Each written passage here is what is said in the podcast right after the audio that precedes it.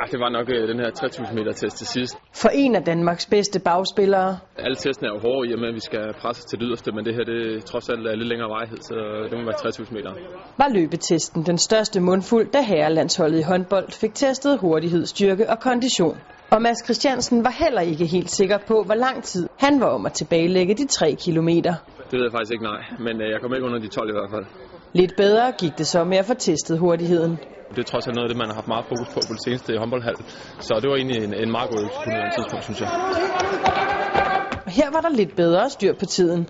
7, 85, 86 tror jeg. Så det var sådan, det tror jeg, det var nogenlunde i hvert fald i forhold til, til gruppen.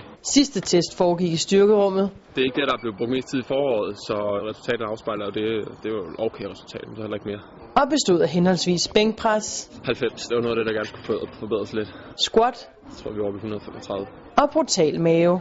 20, så det var sådan okay, når man 20, jeg tænker jeg i hvert fald, så, så går det lige. Så mens øvelserne i styrkerummet ikke var helt optimale, Det er noget, der sagtens kan blive bedre øh, i alle øvelser. så er Mads Christiansen ikke i tvivl om, hvor han trods alt er stærkest, og hvad der er med til at sikre ham en plads på landsholdet. Det jeg tit har min force, det er nok på løb og hurtighed, så det er egentlig de øvelser, jeg sådan lidt har øh, min force, og det, det ser man nok også i og med, at jeg ikke ligger lige så højt i styrkeøvelse, som nogle af de andre bagspillere gør.